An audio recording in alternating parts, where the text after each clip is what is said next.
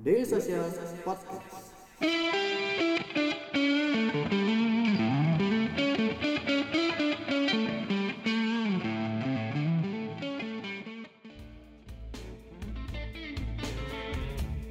Halo, selamat sore teman-teman dari Social Podcast. Ketemu lagi di Daily Social Podcast ngobrolin startup.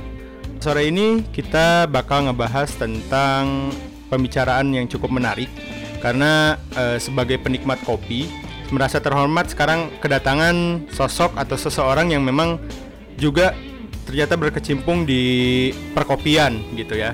Beliau salah seorang petinggi dari kedai kopi yang saat ini cukup terkenal di Jakarta gitu. Boleh eh, perkenalkan Mbak namanya siapa? Ya, eh, halo semuanya, nama saya Elisa Suteja dari uh, Fore Coffee. Oke, Mbak Elisa Suteja itu sebagai Saya Deputi CEO dari Fore Coffee. Oke, deputi CEO-nya Fore Coffee. Jadi teman-teman kita sekarang udah kedatangan eh, deputi CEO-nya Fore Coffee yang di mana FYI aja kalau yang belum tahu Fore Coffee itu adalah kedai kopi, tapi mereka itu punya aplikasi mobilenya ya Mbak ya. Mm-mm. Gitu. Nah, kita bakal ngebahas tentang Fore Coffee ini terutama dari segi marketing dan lain-lain gitu. Mungkin langsung aja ya Mbak ya. Bagaimana sih Pak behavior penikmat kopi hari ini Mbak? Oke, mungkin beberapa insight menarik yang kita Hmm. temukan. Hmm. uh, uh, kita tahu bahwa kopi adalah satu hal yang dikonsumsi uh, recurring ya. Maksudnya uh, konsumsi kopi di Indonesia makin lama makin meningkat. Hmm. Uh, gaya hidup untuk uh, consuming coffee Hmm. juga mungkin sebenarnya udah ada nih dari dulu. Hmm, Cuma hmm. ada uh, pertumbuhan aja. Mungkin Oke. sebelumnya kita lihat kayak orang tua kita Hmm. atau uh, kakek nenek kita kalau misalnya Hmm. minum kopi memang ya paling nyaman di rumah. Ya. Uh, mungkin beli uh, yang udah uh, mudah untuk Ya. diseduh di, di rumah. Yang udah instan mungkin ya Mbak ya. Betul. Lalu uh, ya udah dinikmati di rumah Ya. aja. Makin ke sini kita makin lihat bahwa uh, kopi itu sebenarnya ada first wave coffee yang Oke. mana yang tadi yang dikonsumsi di rumah diseduh Hmm. segala macam. Second wave coffee yang mana udah mulai masuk ke gaya hidup nih. Oke. Cuma masih banyak uh, campuran-campuran yang lain kayak mungkin second wave coffee ini uh, dimulai dengan uh, munculnya Starbucks di dunia. Jadi Oke. Iya, jadi uh, kopi udah lebih sophisticated, uh, banyak variannya, ada yang coffee, ada yang non coffee, Hmm. ada yang uh, milk blend, ada yang Yeah. cream blend segala macam. Mm-mm. Lalu selanjutnya ada yang namanya third wave coffee. Mungkin ini kita banyak lihat uh, awalnya nggak di Indonesia nih. Hmm. Salah satunya kalau misalnya di Australia di Melbourne itu banyak banget kedai kopi yang memang uh, sangat spesifik dalam uh, cara untuk menyeduh kopinya. Oke. Jadi uh, memang ada beberapa segmen konsumen yang memang oke saya maunya ke sana soalnya saya pengen coba beans dengan kualitas ini bla bla bla. Jadi Hmm, uh, konsumen yang udah lebih educated lagi tentang kualitas beansnya, Hmm. udah lebih educated lagi tentang cara pemrosesan uh, kopinya sendiri. Oke. Dan itu uh, makin ke sini kita makin lihat makin banyak nih Oke. um, orang-orang yang pengen uh, kopi dengan kualitas tinggi Yeah. gitu. Dan sebenarnya Indonesia sendiri adalah negara yang paling maju di Southeast Asia dalam specialty coffee. Iya, betul. Ya. Iya, iya, gitu. betul. Kebetulan nih Mbak, saya juga ya amatiran lah ya Mbak ya, suka sama kopi gitu. Tapi yang menarik di sini, yang baru saya tahu dari Fore ini adalah bahwasannya konsep eh, Fore sebagai coffee chain itu eh, agak sedikit unik Mbak, karena memang katanya sudah digi- sudah banyak yang beralih ke digital gitu kan. Nah, starting pointnya Fore Coffee menjadi coffee chain menjadi digital itu bagaimana sih Mbak? Hmm, jadi uh, kalau misalnya dilihat ditarik ke belakang lagi, Hmm. uh, Fore sendiri kan memang uh, perusahaan binaan dari salah satunya dengan East Ventures juga. betul. Jadi ini, ini adalah kerjasama me- antara uh, venture capital Hmm. East Ventures dan uh, e-commerce in coffee yang Hmm. namanya Oten Coffee. Oke. Jadi uh, Oten Coffee sendiri adalah e-commerce dalam E-commerce. bidang uh, kopi, Peralatan kopi ya, ya? peralatan kopi, beans, Hmm. uh, dan juga mesin kopi. Iya, iya. Uh, udah berdiri dari 2015, Hmm. udah didanai sama East Ventures dari 2015 juga. Oke. Oke, jadi uh, ketika East Ventures dan Otten ini ngobrol-ngobrol nih Hmm. ceritanya untuk kayak uh, kita bicarakan uh, outlook ke depan seperti apa Hmm. dan kesempatan kesempatan-kesempatan yang hadir sekarang seperti apa, Hmm. kita lihat bahwa memang Indonesia udah memasuki era uh, new consumer Oke. di mana konsumen sekarang kan sudah mulai uh, makin lama makin dewasa Iya. ya dalam uh, menggunakan uh, teknologi dalam Hmm. kehidupan sehari-hari. Hmm. Salah satunya dalam uh, melakukan konsumsi makanan dan minuman. Hmm. Uh, dengan adanya teman-teman yang uh, udah membesarkan GrabFood dan GoFood, sebenarnya konsumen udah makin educated dan Iya. udah makin terbiasa nih. Dan uh, kita lihat momentumnya itu lumayan mirip sama apa yang terjadi di China Hmm. Kita nggak bilang bahwa semua yang, terjadi di China akan terjadi di Indonesia. Oke. Banyak behavior yang berbeda dan banyak hal yang kita pelajari juga di sini. Hmm. Di mana memang kalau misalnya salah satunya ya uh, teman-teman pasti juga udah tahu kalau misalnya di China uh, yang namanya payment itu udah sangat uh, mudah. Iya. Di mana uh, penduduk lokal udah jarang nih menggun- transacting uh, pakai uang Cash, kertas, ya. iya. Jadi uh, digital money udah sangat maju dan memang pemain-pemainnya udah udah bisa kelihatan nih kayak the big winnersnya siapa. Hmm, hmm. Yang terjadi di, di Indonesia kan ber- berbeda. Berbeda. Walaupun uh, perilaku konsumen konsumsinya sudah ada, tapi Hmm. yang namanya uh, infrastruktur yang mendukung new consumer behavior itu baru mulai muncul Ya. uh, banyak pemainnya dan uh, kalau misalnya dari Fore sendiri ya sebenarnya ini momentum yang cocok untuk kita karena kita Hmm. lihat bahwa kita sebenarnya uh, punya keuntungan untuk bisa bekerja sama dengan semua teman-teman ini gitu. Oh, oke.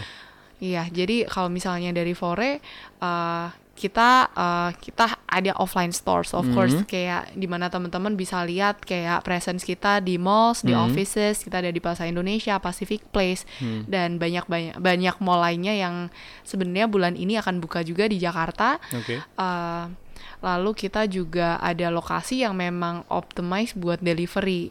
Uh, Oke. ya. Nah, sekarang gini, Mbak. Kan eh Fore itu udah ada aplikasinya ya, Mbak ya. Nah, kenapa harus harus eh, membuat Apa bang? Ngobrolin startup bareng Daily Social.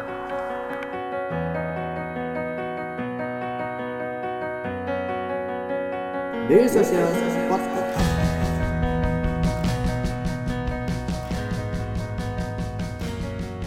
eh, aplikasi atau misalkan membuat eh, apa ya ya aplikasi pemesanan kan di sana kan sementara kan sekarang hari ini banyak juga kopi-kopi yang mengandalkan GoFood, GrabFood gitu.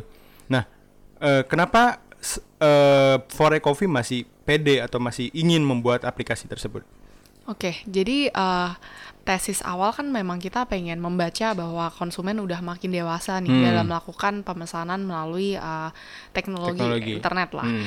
Uh, cuma uh, tesis kedua adalah uh, gimana kita sebagai perusahaan bisa uh, menggunakan momentum ini dengan baik, Hmm. di mana kita pengen tahu benar-benar uh, konsumen kita seperti apa, perilaku konsumsinya seperti apa Oke. dan banyak hal uh, ini katakanlah kayak kita uh, jualan online nih Mm-mm. ada uh, banyak platform seperti marketplaces yang di luar sana misalnya Yeah. kalau misalnya di Jaka- di Indonesia ya ada Tokopedia, Bukalapak dan teman-temannya dan kita juga ada opsi untuk kita buka website sendiri misalnya Yeah, betul. untuk punya e-commerce kita sendiri Hmm. sebenarnya analoginya lumayan mirip Hmm. Uh, apakah kita mau jadi salah satu uh, merchant Hmm. ataukah kita mau uh, stand alone Oke. dan kalau misalnya kita lihat uh, banyak keuntungan untuk menjadi keduanya karena Oke. sebenarnya untuk uh, jadi merchant Tokopedia Hmm. nggak berarti kita nggak bisa buka nggak bisa buka uh, toko. website sendiri Ya, kan nah sendiri. ya lumayan mirip sebenarnya Hmm. seperti itu dan kalau misalnya kita punya aplikasi Hmm. sendiri sebenarnya ad- ada banyak hal yang kita bisa uh, lebih ketahui dari customer kita sendiri Hmm. dan juga strategi untuk kita mengembangkan uh, Fore ini mau dibawa ke mana Oke. Uh, seperti salah satu contohnya uh, dengan adanya aplikasi uh, kita juga lebih targeted dalam melakukan uh, ekspansi toko. Jadi kita Hmm. tahu sebenarnya konsumen kita itu kebanyakan tinggal di mana karena kita Hmm. ta- kita tahu barangnya dikirimin ke mana nih. Ya. Nah kalau misalnya uh, dengan cara kayak gini kan kita bisa oke ya udah kalau misalnya memang banyak yang di Kemang nih yang uh, pesan ya udah kita buka satu dong di Kemang. Misalnya Oke. salah satunya seperti, Seperti itu, itu ya. gitu. Jadi uh, itu salah satu contoh uh, dasar lah Hmm, hmm, hmm. uh, dengan dengan adanya aplikasi sebenarnya uh, kita pengen benefiting kan uh, benefiting customer juga Hmm. untuk uh, Fore bisa melayani dengan lebih baik lah. Oke. Hmm. Terus bagaimana sih digital membantu Fore dalam segi bisnis dan bisnis development lah? Hmm. Jadi uh, sebenarnya bukan Fore aja lah. Hmm. Maksudnya banyak uh, bisnis digital, uh, bisnis uh, offline lain Iya. yang udah benefiting dari platform-platform Hmm. yang sekarang udah ada. Oke. Uh, Fore salah satunya kita maksudnya kita menggunakan POS, kita Hmm. menggunakan accounting system uh, cloud based, Oke. uh, semua SaaS lah basically yang Yeah. bisa uh, helping SME karena uh, emang industrinya udah uh, mature Yeah. enough uh, misalnya employee kita juga udah nyaman nih Udah untuk nyaman. men- menggunakan uh, uh, recruitment system Hmm. dan dengan teknologi dan juga uh, misalnya gimana ya biar nggak sebut brand aku juga jadi iya jadi uh, untuk uh, employee benefit segala macam Yeah. jadi kayak pengaturannya kan sudah dari cloud base ya Hmm, hmm, hmm. ya itu salah satunya jadi em, ya jadi uh, saya nggak bilang kalau misalnya di Forest sendiri untuk uh, back office wise Hmm. kita lebih unggul dibandingin yang lain Ya. soalnya sebenarnya uh, semua SME di Indonesia punya keuntungan yang sama yaitu Hmm. akses untuk uh, mendapatkan uh, platform digital yang Hmm. reliable sekarang. Berarti kalau gitu apakah eh, dengan digitalnya Fore ini mengurangi tenaga kerja manusia? Hmm, sebenarnya enggak juga untuk di titik sekarang kita sudah ada 220 employee 220. ya. Oke. 160-nya uh, barista. Oke. dan uh, kita lihat bahwa um, kita masih peng- um, uh, Fore is a specialty coffee Hmm. company Hmm. di mana kita pengen uh, racikan kopi itu Hmm. memang berasal dari uh, artisan yang membuat di Ya. belakangnya ya. Jadi kalau misalnya kita lihat uh, banyak hal yang memang uh, human touch nggak bisa gantikan. Digantikan. Iya, jadi uh, kita nggak berencana untuk membuat semuanya robotik Iya. atau seperti apa. Jadi kita sangat uh, uh, pengen benefi- benefiting banyak pihak lah. Mungkin. Hmm. dari awal kayak kita pengen benefiting petani juga, petani kopi Indonesia karena kita 100% kopi Indonesia Hmm. dan 100% Arabica. Hmm. Uh, dan kita juga pengen benefiting the in- uh, industri kreatif kopi sendiri di Oke. mana kita pengen kasih uh, opportunity untuk teman-teman yang pengen uh, berkarya di industri kopi. Oke.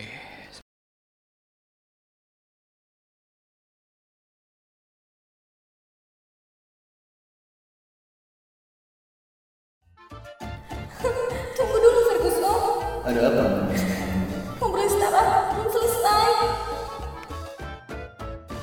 Oke, balik lagi nih masih sama Mbak Elisa. Lalu Mbak, kalau misalkan saya pengen tahu nih Mbak, tujuan Fore Coffee menjitilize eh, konsep coffee chain yang ya saya saya baru tahu bahwasanya eh, itu baru hanya ada Fore Coffee aja yang seperti ini gitu. Tujuannya apa sih Mbak? Hmm, kalau misalnya di Indonesia sendiri memang Fore Coffee uh, Yang pertama? Iya, yang pertama Hmm. ya.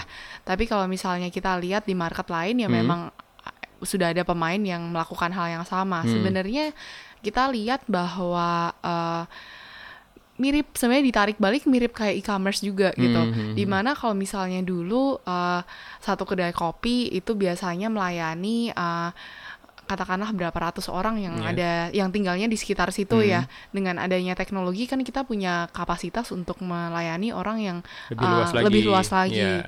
Yang namanya orang Indonesia kan sebenarnya saya baru, baru baca artikel juga bah- Hmm. bahwa orang Indonesia tuh nggak nggak suka jalan, apalagi orang Oke. Jakarta ya Iya, iya. nggak suka jalan kaki. Hmm. Jadi dengan adanya aplikasi ini sebenarnya ini memperluas akses kita saja sih. Hmm, hmm, Dan juga seperti yang saya bilang tadi, eh, kita bisa lebih mengerti eh, konsumen kita. Hmm. Kita bisa belajar bahwa eh, mereka ini siapa sih, Hmm. tinggal di mana, apa yang eh, dengan kita tahu customer kita seperti apa, apa yang kita bisa lakukan untuk bisa serving them better. Jadi Hmm. sebenarnya eh, aplikasi ini adalah eh, alat lah untuk kita bisa kan eh, kita sebagai eh, tim Fore mungkin nggak bisa ketemu langsung nih sama Ya. konsumen kita. Hmm. Jadi kalau misalnya katakanlah saya punya satu kedai kopi Hmm. yang memang saya yang bikin kopi di situ, mungkin Ya. saya bisa tahu dengan jelas konsumen saya siapa. Hmm. Cuma kalau misalnya kita pengen um, memberi uh, benefit ini ke banyak orang dari hulu ke hilir ya. Kita kan pengen skalanya juga lebih besar. Hmm. Tapi uh, kita nggak pengen kehilangan touch itu tadi untuk Iya. tahu sebenarnya konsumen kita tuh siapa. Hmm. Jadi uh, kita percaya bahwa teknologi sebenarnya udah robust, udah uh, banyak sekali gunanya Hmm. dan dengan uh, platform ini kita berharap kita bisa nggak kehilangan uh, pemahaman Oke. siapa customer kita. Oh, berarti kalau gitu eh, secara tidak langsung me- eh, bahwasannya for Fore Coffee itu memanfaatkan dengan maksimal teknologi. Ya kita berusaha untuk bisa memanfaatkan dengan Oke. maksimal. Nah, kalau gitu tentu tadi Mbak eh, Elisa kan bilang bahwasannya eh, iya Fore Coffee itu adalah bentuk kerjasama dari Oten sama eh, East Venture ya Mbak ya. Nah, eh, menurut Mbak sendiri yang Mbak tahu nih tren investasi atau investor terhadap dunia per- dunia kedai kopi itu seperti apa sih Mbak hari ini? Apakah sudah banyakkah yang tertarik atau bagaimana? Yep. Jadi eh, mungkin sebenarnya kalau misalnya teman-teman ada waktu kemarin ke DS Talk yang Ya, minggu lalu. Selasa startup kemarin ya, Mbak Iya, ya? Selasa startup betul. Eh, Wilson kan sempat mampir. Oh, iya, iya, Mas Wilson dari Wilson. East Ventures Mhm. sempat mampir ke Selasa startup untuk cerita sebenarnya perjalanan investment di Indonesia itu seperti apa atau South- Southeast Asia seperti apa.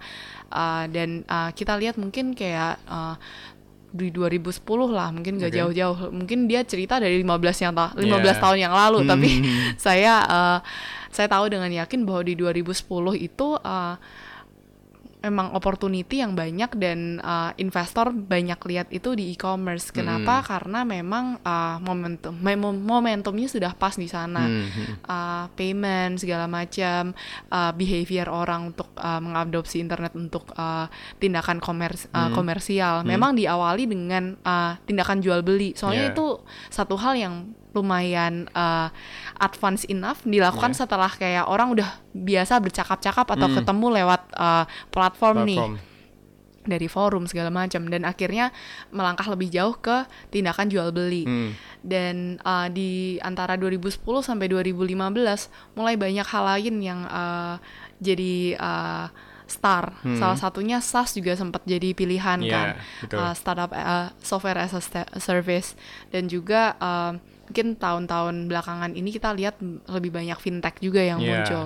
Dan uh, kita percaya bahwa industri ini selalu evolving ya Hmm. untuk uh, bisa disrupting quote unquote uh, industri yang baru Hmm. dan yang mungkin selama ini orang mikir kayak aduh mana bisa gitu Hmm. itu dilakukan secara uh, internet mana bisa Iya, gitu betul. dan kita uh, kita laki lah kita di titik ini sekarang Hmm. Indonesia udah uh, tumbuh sebegitu pesat di mana uh, banyak uh, peluang yang dibukakan sama teman-teman yang lain yang uh, udah building the industry gitu.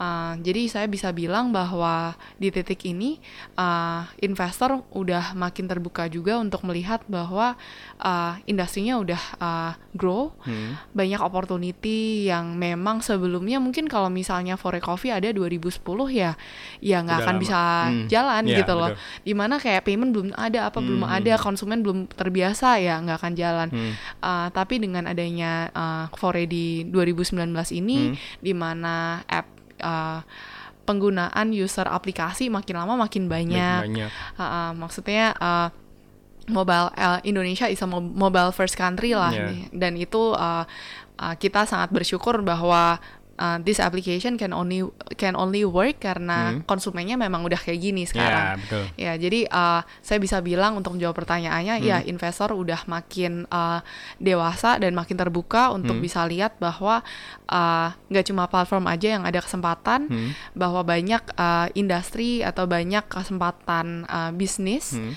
uh, di dunia teknologi yang uh, mungkin dulu lebih uh, bisa dilihat secara offline, tapi sekarang uh, the O2O is Yeah. really work. Jangan lupa subscribe Ngobrolin Startup Daily Social Podcast di SoundCloud, Spotify, atau aplikasi podcast favorit kamu. Berarti kalau gitu Mbak Elisa meyakini bahwasannya bakal banyak lagi kedai kopi yang mengikuti jejak Fore. Nah, uh, kita sebenarnya bisa lihat bahwa yang namanya industri yang menarik pasti banyak orang yang Ya, menilik ya lah ya untuk Ya, melihat ha, ha. bahwa uh, bisa nggak ya uh, kita menggunakan uh, tapping the same uh, Hmm. market gitu. Jadi kalau misalnya memang uh, the other players Hmm. itu tertarik untuk uh, menilik uh, industri ini ya Hmm. kita percaya bahwa sebenarnya uh, yang ingin kita lakukan adalah mengkopikan Indo- mengkopikan Indonesia, Oke. giving more benefit to the farmers, Yeah. giving more benefit to the customers. Oke. Dan uh, dengan banyaknya teman-teman yang sebenarnya dari awal untuk buka kafe, buka kedai kopi, uh, itu sebenarnya udah membantu petani Indonesia Ya, juga loh. Betul. Jadi uh, sebenarnya kayak sedikit data juga uh, petani di Indonesia itu uh, kebanyakan mungkin uh, jual ekspor Ya. juga. Jadi kayak ada beberapa kolom lah. Hmm. Ada yang jual ekspor yang kualitasnya uh, robusta. Robusta. Ada yang jual ekspor kualitasnya arabica. Arabica. Uh, kalau misalnya kita sendiri kita lihat kenapa kita pilih arabica karena arabica coffee ini giving uh, kasih uh, pendapatan paling tinggi buat uh, petani. Karena harganya harga jualnya lebih tinggi, dan juga uh, daripada kopi arabica berkualitas tinggi ini dijual ekspor Hmm. mereka sebenarnya uh, akhirnya dapatnya lebih dikit nih Ya. kalau misalnya mereka ekspor dengan kualitas yang sama Iya. sebenarnya mereka-mereka ini lagi cari peluang untuk bisa jual ke lokal Oke. dan dengan banyaknya kafe-kafe spe- specialty coffee Hmm. mereka sebenarnya lebih uh, untung nih Ya. dan kalau misalnya kita bisa membantu mereka sebenarnya ya kita happy lah Hmm, jadi hmm, kalau misalnya industrinya grow uh, akan banyak orang yang seneng jadi Oke. saya nggak bisa bilang bahwa kalau misalnya banyak orang yang akhirnya akhirnya adopting di sini Hmm. uh, impactnya seperti apa Hmm. tapi pada dasarnya lagi kita pikir bahwa kita lakukan ini supaya kita pengen semuanya uh, untung lah Oke, berarti tidak hanya me- apa ya, tidak hanya mementingkan Fore Coffee-nya itu sendiri, tapi ada ada Fore Coffee di sini pun memikirkan bagaimana nasib petani di Betul. luar sana gitu kan. Makanya kalau misalnya banyak pemain yang akhirnya adopting the trend, Hmm. tapi mereka tekan harga petani, mereka pakai kualitas uh, beans yang Ya, sebenarnya rendah segala macam, dan sebenarnya buat konsumen sendiri nggak terlalu sehat, Hmm. ya sebenarnya agak disayangkan ya, Hmm, hmm, hmm. karena uh, kan kita pengen jual uh, barang yang bagus lah, Iya. kita pengen jual barang yang kita sendiri konsumsi kita senang. Hmm. Dan kalau misalnya kita tahu up barang yang kita jual itu misalnya untungnya tinggi tapi Hmm. sebenarnya modalnya sangat rendah tapi ya segala macam lah. Hmm. Namanya orang jualan Yeah. kan pasti Hmm. ada pemikiran seperti itu. Hmm. Ya itu disayangkan juga gitu. Jadi eh, ya bisa percayalah kar- karena kita memang eh, starting ini untuk pengen eh, boosting the industry, Hmm. kita pengen um, giving something yang memang kita sendiri kita enjoy. Hmm. Jadi uh, ya hopefully more people is doing the same thing. Ya, berarti Fore Coffee tidak tidak apa ya, tidak takut akan banyak kompetitor di dunia ya di dunia kopi dengan digital seperti ini. Uh, kalau misalnya namanya kita memulai usaha, kalau misalnya dari awal kita udah takut sama kompetisi, ya banyak hal yang gak bisa kita lakukan dong. Iya. Nah, eh, terakhir aja nih Mbak, karena udah agak malam juga nih. Eh, ada tips atau ya mungkin eh, sekedar saran untuk teman-teman dari social podcast di luar sana yang entah itu mau memulai sebuah usaha yang sama misalkan di dunia kopi atau misalkan mau memulai usaha namun sudah menatap apa ya ya seperti Fori Coffee lah ingin ingin memaksimalkan teknologi gitu apakah ada saran tips and triknya lah bagaimana memaksimalkan teknologi untuk berusaha Mm-mm.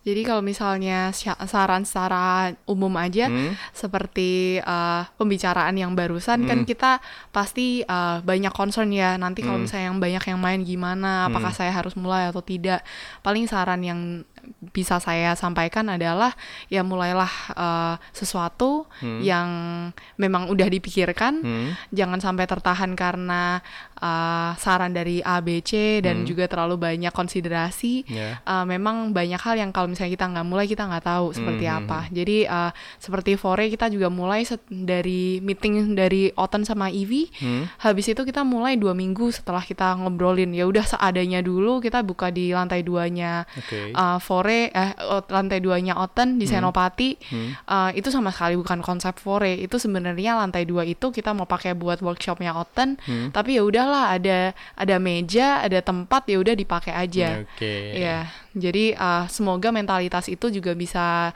uh, memotivasi teman-teman di luar sana lah Hmm. bahwa banyak hal yang ya kalau misalnya kita nggak mulai kita nggak tahu Hmm. Ya, ada ada fakta menarik sih tadi sebenarnya.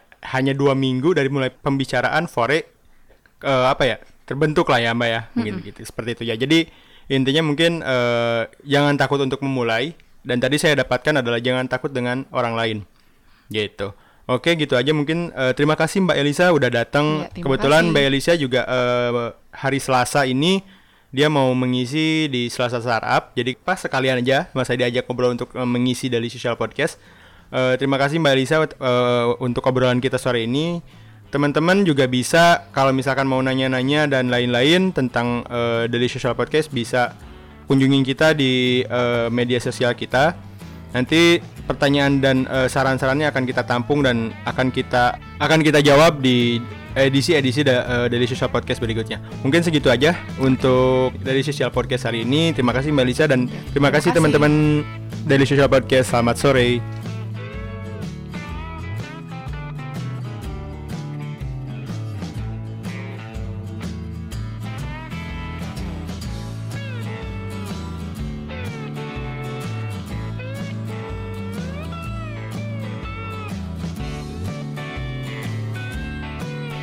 Keep in touch bersama kita di dailysocial.id untuk website kita. Di Facebook kita ada dailysocial.id, di Twitter kita ada @dailysocial dan di Instagram kita ada @dailysocial.id. Di LinkedIn kita ada Daily Social dan di YouTube kita ada Daily Social.